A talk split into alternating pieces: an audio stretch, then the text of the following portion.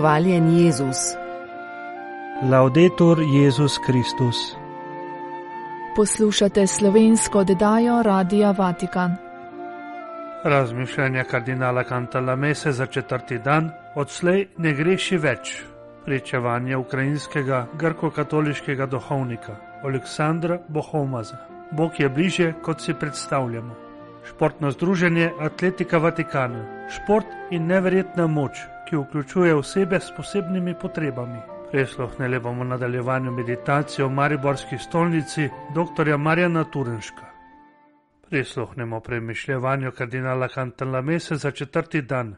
Odslej ne greši več. La parola di oggi da accogliere è quella che Gesù rivolse all'adultera dopo che i suoi accusatori si erano dileguati. Jezusova beseda, ki naj bi jo sprejeli danes, je tista, ki jo je namenil prešušnici, potem, ko so se njeni tožniki razkropili. Žena, te ni nišče obsodil, nišče gospod. Tudi jaz te ne obsojam. Pojdi in odslej ne greši več. Odslej ne greši več. Vsakdo med nami, če sebe dobro izpraša, bo opazil, da poleg tistih mnogih grehov, ki jih stori, je eden, ki je drugačen od drugih. Gre za tisti greh, na katerega smo naskrivno malo navezani, ki se ga spovemo, vendar brez resne volje, da bi rekli dovolj je. Sveti Augustin nam v izpovedih opiše svoj boj za osvoboditev od greha mesenosti. Bil je trenutek, v katerem je prosil Boga, rekoč: Podeli mi čistost in vzdržnost. Toda neki glas je dodal: Ne takoj, gospod. Prišel je trenutek, ko je sam sebi začel piti. Zakaj jutri, jutri, kar je v latinščini kras? Zakaj ta vrana pravi jutri? Zakaj ne zdaj? Zadostovalo je, da je rekel ta dovolje in se je čutil osvobojenega. Kaj konkretno je potrebno storiti? Za trenutek se postaviti pred navzočnost Boga in mu reči: Gospod, ti dobro poznaš mojo slabotnost. Toda, zaupajoč samo v tvojo milosti, rečem, da odslej naprej hočem reči: dovolj temu zadovoljevanju, tej svobodi, temu prijateljevanju, tej zameri, tej finančni zvijači, dovolj temu grehu, ki ga jaz in ti dobro poznava. Prihajam, da bom prijel tvoje sakramentalno odpuščanje. Lahko, da bom ponovno padel, lahko, da se potem ponovno pade, tudi za Boga se je nekaj spremenilo. Tvoja svoboda se je postavila ob njega. Sedaj sta dva, ki se bojujeta proti istemu sovražniku. Videl boš, kako je lepo živeti osvobojen suženstva greha, v miru z Bogom in samim seboj. In pace con Dio e con se stessi. Grko-katoliški duhovnik Aleksandr Bohomas je doživel rusko okupacijo, bil je zaslišan in na to izgnan. Katoličanom po vsem svetu želim povedati, da je Bog bliže, kot si lahko predstavljamo, in prosim vas, da molite za naš narod, da ne bi bili pričale ruševinam, ampak tudi temu, kako Bog vse obnavlja.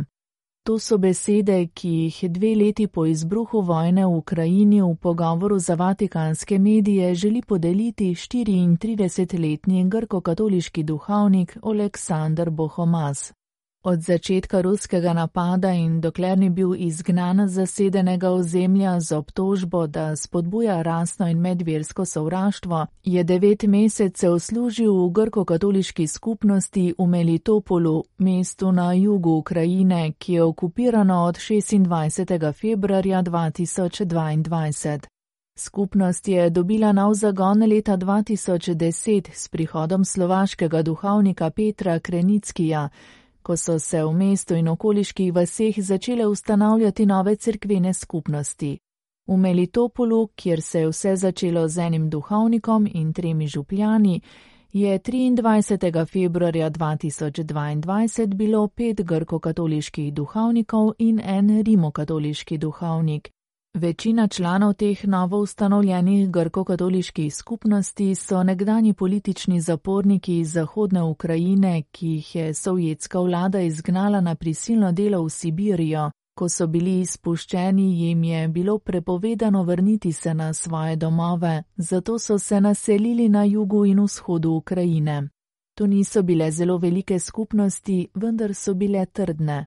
Seveda ni bilo enostavno, vedno smo se morali zelo truditi, a imam lepe spomine, saj sem tam preživel prvih sedem let svoje duhovniške službe in je to postal moj drugi dom, pripoveduje Aleksandr. Tako kot številni Ukrajinci, tudi on ni verjel, da bo prišlo do vojne.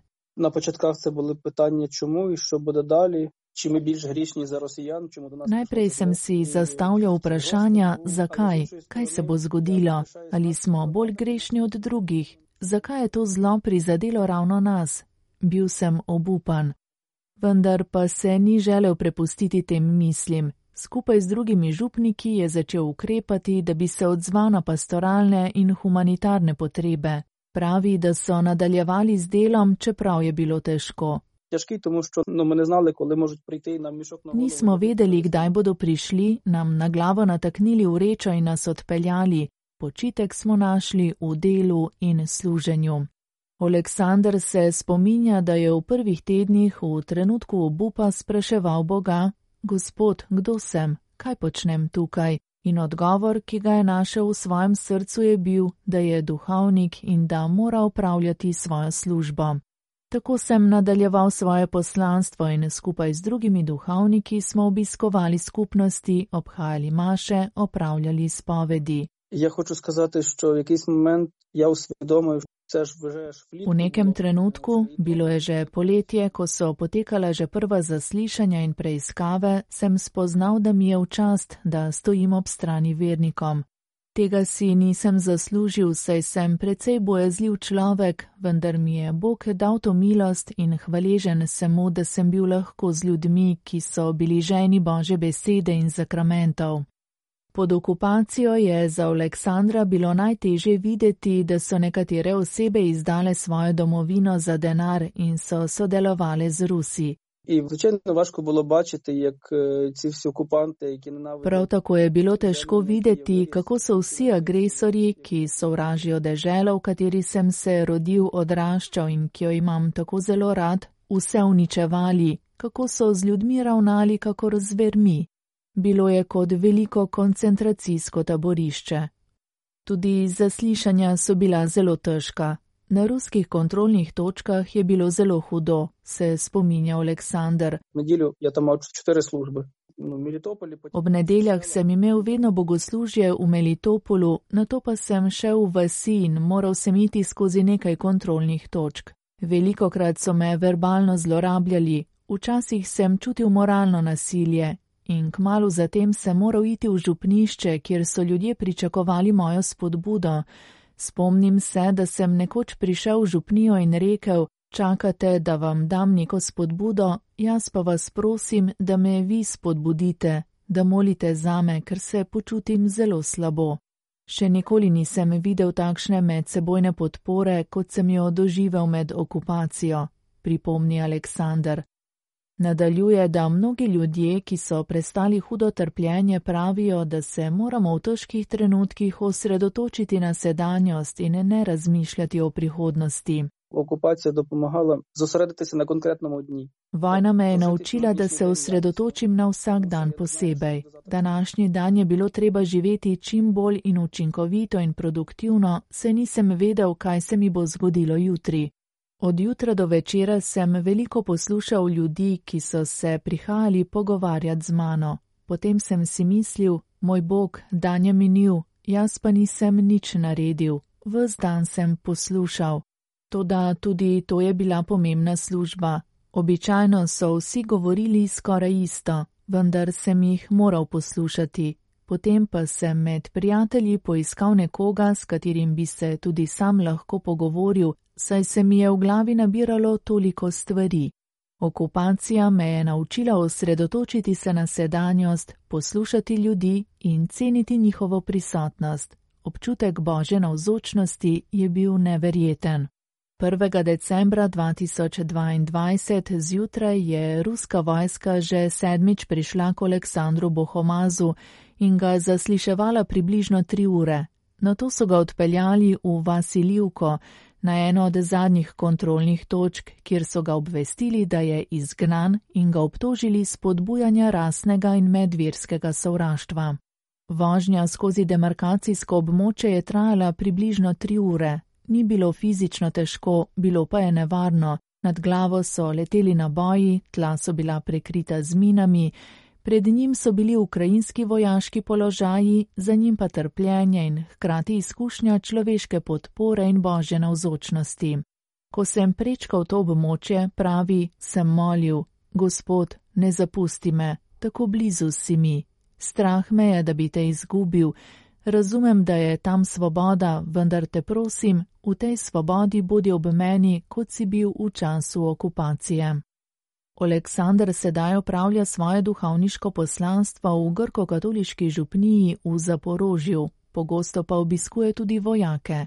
Žrtvuють своїм життям. Ну тобто, це я зараз кажу неправду. Žrtvujejo svoje življenja, da bi se jaz lahko vrnil domov in s tem mislim tudi na svoje prijatelje, ki so padli. Vedno, ko obiščem vojake, ki se borijo na najbolj nevarnih območjih, vidim, da so zaradi vojne tako zelo traumatizirani, da jim je to grozoto težko ubesediti, ne zmorejo in ne nočejo govoriti.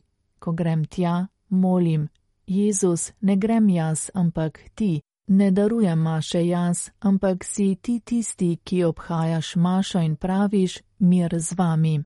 Ob koncu pogovora želi Aleksandr vsem katoličanom po svetu reči: Bog bližje, niž цього очікуєш і сподіваєшся. Bog je bližje, kot si predstavljamo. To sem doživel, ko sem prečkal demarkacijsko črto in nisem vedel, ali bom prišel na drugo stran živ ali ne. Zaprosi tudi za molitev za ukrajinski narod, da bi bili vsi priča ne le ruševinam, ampak tudi temu, kako Bog obnavlja. Pred kratkim, pravi, sem bil v Huljajpolu, mestu blizu frontne črte, in imel sem občutek, da je velikan vzel kladivo in uničil celotno mesto. S pogledom sem se hotel oprijeti nečesa nedotaknjenega, a ni bilo ničesar pa vendar želimo biti priča temu, kako Bog obnavlja. To je najpomembnejša stvar, ki jo morajo danes slišati katoličani, da Bog ljubi. Povirite v te, što Bog ljubi. Ja vjerujem v te, što Bog ljubi, tudi ne budu bojati se. Ko namreč verjamem, da me Bog ljubi, me ni strah in to mi daje svobodo, svobodo delati dobro, se žrtvovati in celo dati svoje življenje, saj vem, da me bo on sprejel. Šport ima neverjetno moč spodbujanja in vključevanja oseb s posebnimi potrebami v družbo. Ta ideja je bila v središču srečanja Saro Minkara, posebno svetovalko Ministrstva za zunanje zadeve Združenih držav Amerike za pravice invalidov, ki je potekalo v torek 20. februarja popovdne na sedežu Papeškega športnega združenja Atletika Vatikana. Svetnica, ki jo je neposredno imenoval ameriški predsednik Joe Biden, je bila v Rimu, da bi razpravljala o pripravah na prihajajoče vrst skupine G7 o invalidnosti, ki bo pozneje letos v Italiji. Sara Minkara se je obširno pogovarjala s Saro Vargeto iz Atletika Vatikana, italijansko srednje šolko in atletinjo, ki trpi za juvenilnim idiopatskim artritisom že od svojega 18. meseca starosti in za tekmovanje uporablja invalidski voziček. Pred kratkim je na italijanskem dvoranskem prvenstvu osvojila zlate medalje v tekih na 60, 200 in 400 metrov. Deklica je posebni svetovalki pokazala svoje tekmovalno vozilo in obe sta se čustveno objeli. Ob koncu srečanja je Sara Vargeto Minkari predala štafetno palico s podpisom papeža Frančiška. Posebna svetovalka je v pogovoru za Vatikan News izjavila, da šport invalidom omogoča, da resnično pridejo v stik s svojo lastno identiteto, lastnim opolnomočenjem, timskim delom, sodelovanjem z drugimi. Ameriška gostinja muslimanskega porekla je razpravljala tudi o veliki vlogi, ki jo ima vera lahko pri vključevanju oseb s posebnimi potrebami. Povedala je, da se vedno srečuje z verskimi voditelji, kjerkoli potuje. V Nigeriji smo videli poglavarja cerkve in mošeje, v Egiptu koptsko cerkev in univerzo Al-Azhar. Sara Minkara je pohvalila sporočilo papeža Frančiška o vključevanju. Njegov govor na svetovnem dnevu mladih lani v Lizboni pa je označila za super pomembnega, s pozivom k sprejemanju. Vsi, vsi, vsi. Tudi Sara Vargeto je za vatikanske medije povedala, da ji je šport dal drugo življenje, preporod. Veliko mi je pomagal, je priznala, tako fizično v smislu motorične sposobnosti, kot psihično, da sem rasla in zorela. Ko je govorila o nedavnem italijanskem dvoranskem prvenstvu, kjer je osvojila tri zlate medalje, je dekle dodalo, da se počuti zelo srečno. Veliko sem trenirala in to je bilo veliko zadovoljstvo, tako za Atletiko Vatikano, kot za me osebno. Sara za športno društvo Atletika Vatikana teče 4 do 5 let in ne dvomi v to. Za me je vedno nepopisno čustvo nositi ta dres te barve. Od torek 20. februarja je v stolni cerkvi svetega Janeza Krasnika v Mariboru potekala v okviru leta molitve 2024 molitev in pričevanje upokojnega načkofa dr. Marjana Turenška z naslovom Gospod nauči nas molitvi. Prisluhnemo nadaljevanju njegove meditacije. Si pridobimo neko držo, ki nam nekako splošno pomaga k molitvenemu vzdušju. Vendar se mi zdi, da tukaj ne smemo biti preveč togi, da bi se zdaj vedno držali samo te drže, ki smo si jo tako v toku učenja molitve enkrat pridobili. Vse bi nam mogoče v tem, v tem primeru lahko ta drža začela tudi eh, nagajati malo pri molitvi, nas malo uvirati, kadar bi hoteli Bogu povedati ali izraziti nekaj drugega, kakor običajno pri molitvi delamo. Torej, molimo lahko na več načinov. Najprej sedi. Drža sedi tako kot zdaj le večina izmed vas eh, jo ste zauzeli, je drža poslušalca. In dejansko vi zdaj le tudi mene poslušate. V molitvi pa je sedenje drža poslušanja Boga. Pri sedenju se nekako lažje posvetimo, se predamo sporočilo, ki smo ga prejeli, bodi si preko Božje besede, bodi si preko kakšne druge misli ali nekako po njem zgibo v duhu, v srcu, ki nam ga je duh prebudil. Sedi lažje temu prisluhnemo. Potem sedenje je tudi drža čakanja. Bog je kar zanimiv. Ne pride vedno takrat, ko mi pozvonimo ali pa ko ga pokličemo. Čeprav je vedno tu. Ampak ga ne doživljamo vedno kot živo navzočega. Včasih nas pusti čakati. On že ve, kaj je prav. Zato moramo vzeti tudi to čakanje kot nekaj, kar nam Bog daje, kar nam Bog pošilja, ker ve, da mi v tem trenutku to čakanje pri, eh, potrebujemo. Ali lahko rečemo, da je tudi pri, eh, sedenje drža pričakovanja. Nekdo, če nekoga dolgo ni, ga pričakujemo, se usedemo. Ne? Najprej ga morda stoje čakamo, potem ga pa ni, pa ga ni, pa se usedemo, da čas lažje mine. Tudi drža sprejemanja, ko pa pride nekdo, potem se usedeva, mu ponudim stol. No tako sprejemanje, tudi v miru sprejmem človeka in v miru sprejmem Boga, potem ko sem se sedi umiril.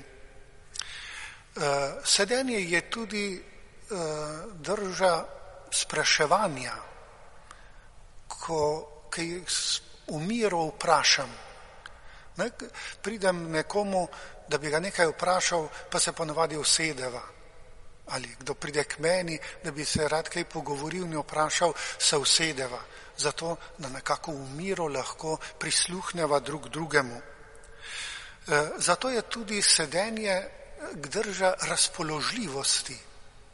Tukaj sem. Ne? Zdaj imam čas zate. Tukaj sem, Gospod. Bog, tukaj sem spregovori, povej. Potem je sedenje tudi eh, drža zaupljivega pričevanja v božji bližini. Poslušali ste slovensko oddajo Radia Vatikan.